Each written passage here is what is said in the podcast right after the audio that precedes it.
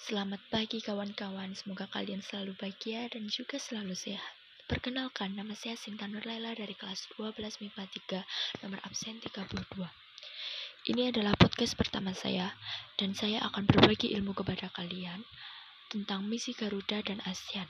Sebelum kita mengetahui misinya, kita harus mengenal dulu apa itu misi Garuda. Misi Garuda adalah misi dari sebuah pasukan tentara nasional Indonesia yang ditugaskan sebagai pasukan perdamaian di negara lain.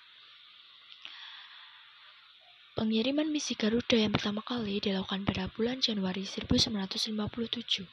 Pengiriman misi Garuda dilatar belakangi adanya konflik di Timur Tengah terkait masalah nasionalisasi terusan Suez yang dilakukan oleh Presiden Mesir Gamal Abdul Nasser pada 26 Juli 1956. Sebagai akibatnya, pertikaian menjadi meluas dan melibatkan negara-negara di luar kawasan tersebut yang berkepentingan dalam masalah Suez. Pada bulan Oktober 1956, Inggris, Prancis, dan Israel melancarkan serangan gabungan terhadap Mesir. Situasi ini mengancam perdamaian dunia sehingga Dewan Keamanan PBB turun tangan dan mendesak pihak-pihak yang bersengketa untuk berunding. Dalam sidang umum PBB, Menteri Luar Negeri Kanada Lester B. Person mengusulkan agar dibentuk suatu pasukan PBB untuk memelihara perdamaian di Timur Tengah. Usul ini disetujui sidang dan pada tanggal 5 November 1956 Sekjen PBB membentuk sebuah komando PBB dengan nama United Nations Emergency Force atau disingkat dengan UNEF. Pada tanggal 8 November, Indonesia menyatakan kesediaannya untuk turut serta menyumbangkan pasukan dalam UNEF. Sebagai pelaksanaannya, pada 28 Desember 1956 dibentuk sebuah pasukan yang berkekuatan satu detasemen atau sama dengan 550 orang yang terdiri dari kesatuan-kesatuan teritorium 4 Diponegoro dan teritorium 5 Brawijaya. Kontingen Indonesia untuk UNEF yang diberi nama pasukan Garuda ini diberangkatkan ke Timur Tengah pada bulan Januari 1957. Untuk kedua kalinya, Indonesia mengirimkan kontingen untuk diperbantukan kepada United Nations Operation for the Congo atau UNOC sebanyak satu batalion. Pengiriman pasukan ini terkait munculnya konflik di Kongo atau Zaire sekarang. Konflik ini muncul berhubungan dengan kemerdekaan Zaire pada bulan Juni 1960 dari Belgia yang justru memicu pecahnya perang saudara. Untuk mencegah pertumpahan darah yang lebih banyak, maka PBB membentuk pasukan perdamaian untuk Kongo, UNOK. Pasukan kali ini disebut Garuda II, yang terdiri atas batalion 330 Siliwangi, detasemen polisi militer, dan Ton KKO Angkatan Laut. Pasukan Garuda II berangkat dari Jakarta tanggal 10 September 1960 dan menyelesaikan tugasnya pada bulan Mei 1961. Tugas pasukan Garuda II di Kongo kemudian digantikan oleh pasukan Garuda III yang bertugas dari bulan Desember 1962 sebagai bulan sampai bulan Agustus 1964. Peran aktif Indonesia dalam menjaga perdamaian dunia terus berlanjut.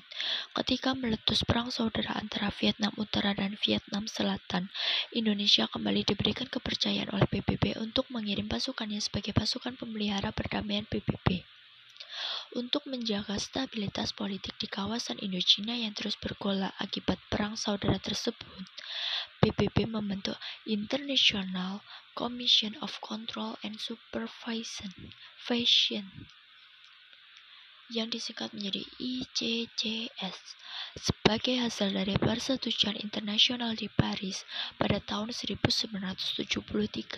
Komisi ini terdiri atas empat negara, yaitu Hungaria, Indonesia, Kanada, dan Polandia. Tugas ICCS adalah mengawasi pelanggaran yang dilakukan oleh kedua belah pihak yang bertikai. Pasukan perdamaian Indonesia yang dikirim ke Vietnam disebut sebagai pasukan Garuda 4 yang berkekuatan 290 pasukan. Bertugas di Vietnam dari bulan Januari 1973 untuk kemudian diganti dengan pasukan Garuda 5 dan kemudian pasukan Garuda 7.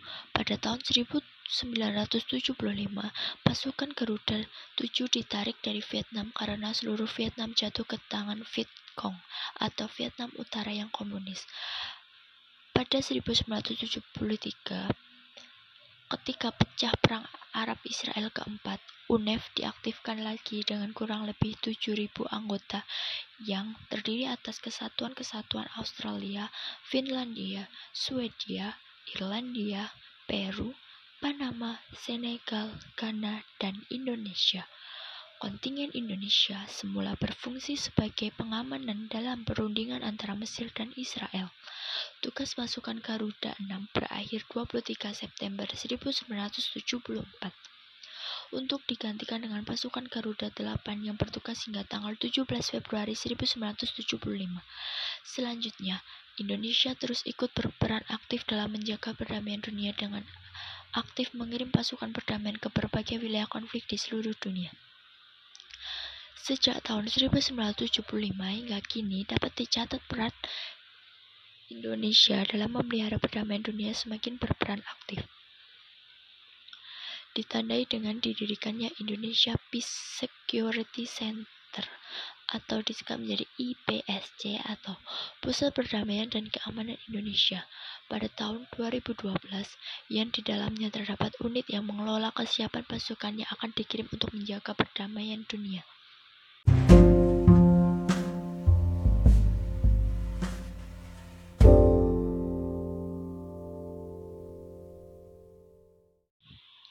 Selanjutnya, kita akan membahas tentang ASEAN. Pembentukan ASEAN menjelang berakhirnya konfrontasi Indonesia-Malaysia, beberapa pemimpin bangsa-bangsa Asia Tenggara semakin merasakan perlunya membentuk suatu kerjasama regional untuk memperkuat kedudukan dan kestabilan sosial ekonomi di kawasan Asia Tenggara.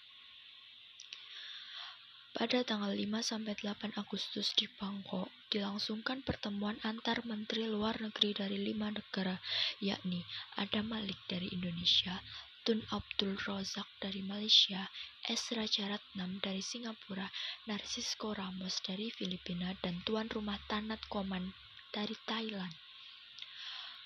Pada 8 Agustus 1967, para menteri luar negeri tersebut menandatangani suatu deklarasi yang dikenal sebagai Bangkok Declaration. Deklarasi tersebut merupakan persetujuan kesatuan tekad kelima negara tersebut untuk membentuk suatu organisasi kerjasama regional yang disebut Association of Southeast Asian Nation atau ASEAN. Dari tujuh pasal deklarasi Bangkok itu jelas bahwa ASEAN merupakan organisasi kerjasama negara-negara Asia Tenggara yang bersifat non-politik dan non-militer. Keterlibatan Indonesia dalam ASEAN bukan merupakan suatu penyimpangan dari kebijakan politik bebas aktif. Karena ASEAN bukanlah suatu fakta militer seperti SEATO misalnya ASEAN sangat selaras dengan tujuan politik luar negeri Indonesia yang mengutamakan pembangunan ekonomi dalam negeri. Karena terbentuknya ASEAN adalah untuk mempercepat pembangunan ekonomi, stabilitas sosial budaya, dan kesatuan regional melalui usaha dengan semangat tanggung jawab bersama dan persahabatan yang akan menjamin bebasnya kemerdekaan negara-negara anggotanya. Kerjasama dalam bidang ekonomi juga merupakan pilihan bersama para anggota ASEAN. Hal itu disadari karena negara-negara ASEAN pada saat itu adalah negara-negara yang menginginkan pertumbuhan ekonomi. Meskipun demikian, kerjasama dalam bidang lain seperti bidang politik dan militer tidak diabaikan.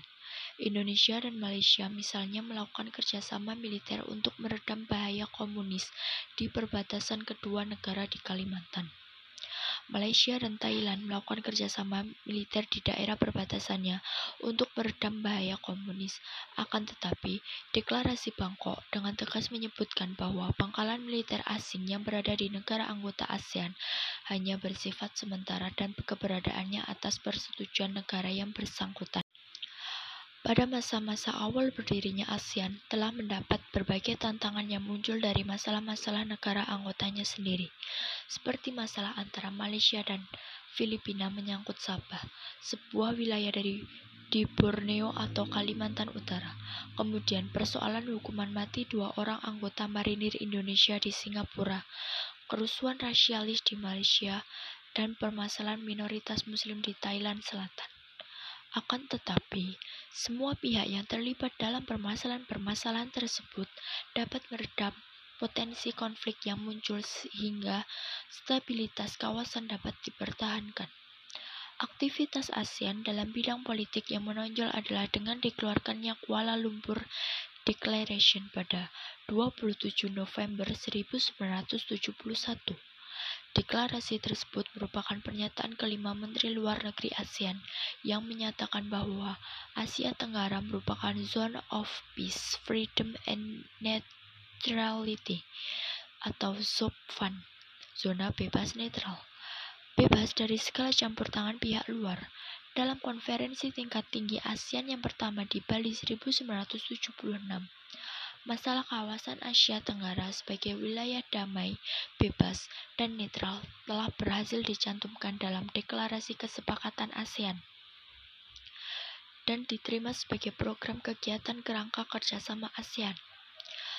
Selain menghadapi permasalahan-permasalahan yang muncul dari negara-negara anggotanya sendiri, seperti potensi konflik yang telah dijelaskan sebelumnya.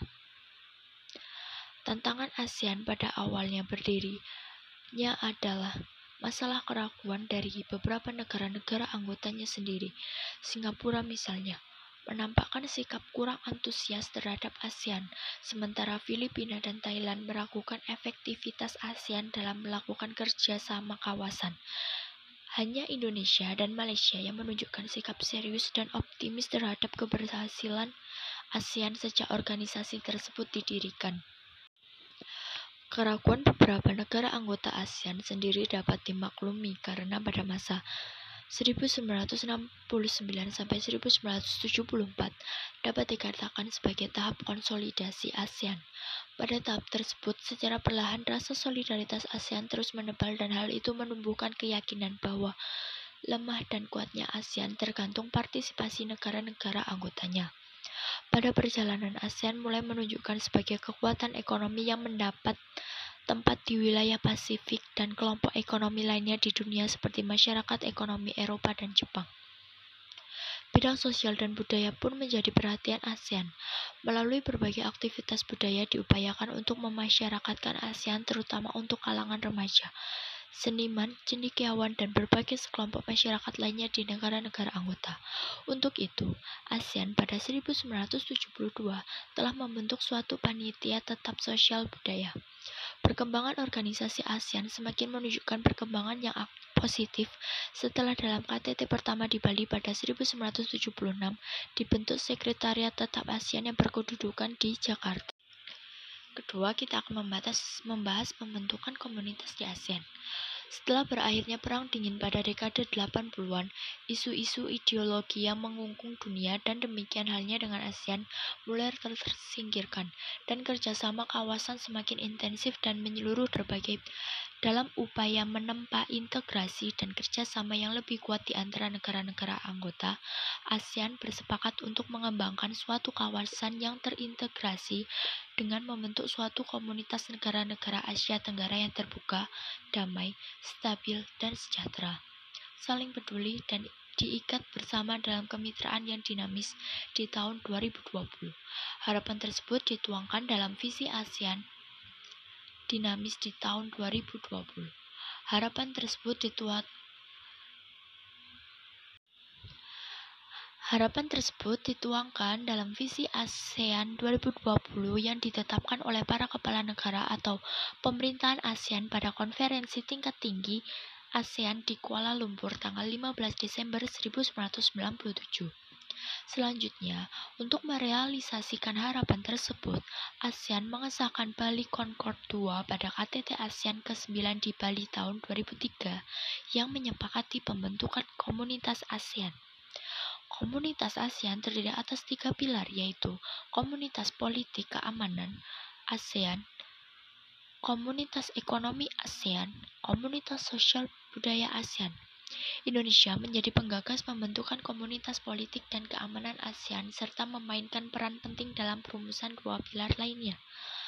Pada KTT ASEAN ke-10 di Vientiane, Laos tahun 2004, konsep komunitas ASEAN mengalami kemajuan dengan disetujuinya tiga rencana aksi Plan of Action atau POA untuk masing-masing pilar yang merupakan program jangka panjang untuk merealisasikan pembentukan komunitas ASEAN. KTT tersebut juga mengintegrasikan ketiga rencana aksi komunitas ASEAN ke dalam Vientiane Action Program.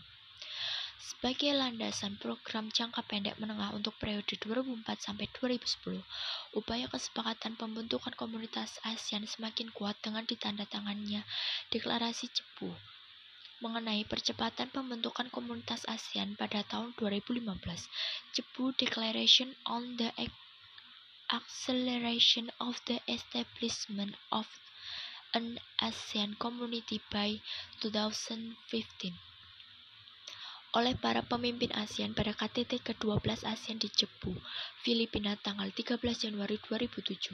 Dengan ditandatangannya deklarasi tersebut, para pemimpin ASEAN menyepakati percepatan pembentukan komunitas ASEAN dari tahun 2020 menjadi tahun 2015. Seiring dengan upaya perwujudan komunitas ASEAN, ASEAN juga menyepakati untuk menyusun semacam konstitusi yang akan menjadi landasan dalam penguatan kerjasama.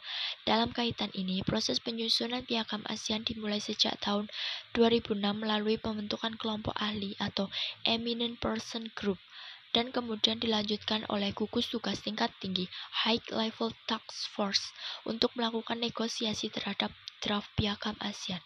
Pada usia ke-40 tahun ASEAN, para kepala negara atau pemerintahan ASEAN pada KTT ke-13 ASEAN di Singapura bulan November 2007 telah menandatangani piagam ASEAN yang mengubah ASEAN dari organisasi yang longgar menjadi organisasi yang berdasarkan hukum dan menjadi subjek hukum.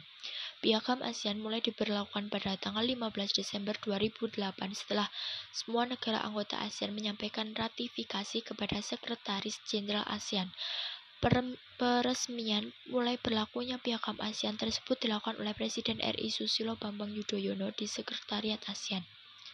Untuk Indonesia, pemberlakuan piagam ASEAN ini disahkan melalui Undang-Undang RI Nomor 38 Tahun 2008 tentang pengesahan piagam Perhimpunan Bangsa-Bangsa Asia Tenggara. Implementasi piagam ASEAN mulai ditegaskan pada KTT ASEAN ke-14 di Hua Hin, Thailand pada tanggal 28 Februari sampai 1 Maret 2019.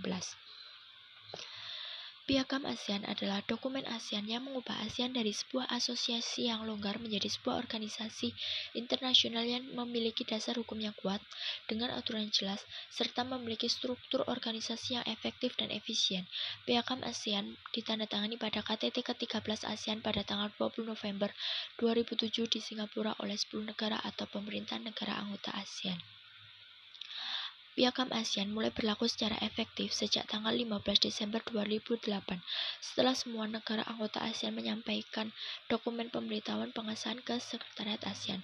Dalam hal itu, Indonesia mengesahkan Piagam ASEAN melalui UU Nomor 38 Tahun 2008. Piagam ASEAN memuat prinsip-prinsip yang tertuang dalam semua perjanjian, deklarasi, dan kesepakatan ASEAN. Mungkin hanya itu saja yang dapat saya sampaikan kepada kalian. Apabila ada kurangnya, saya minta maaf ya teman-teman. Sekian dari saya. Sampai bertemu di podcast podcast saya selanjutnya. Sampai jumpa.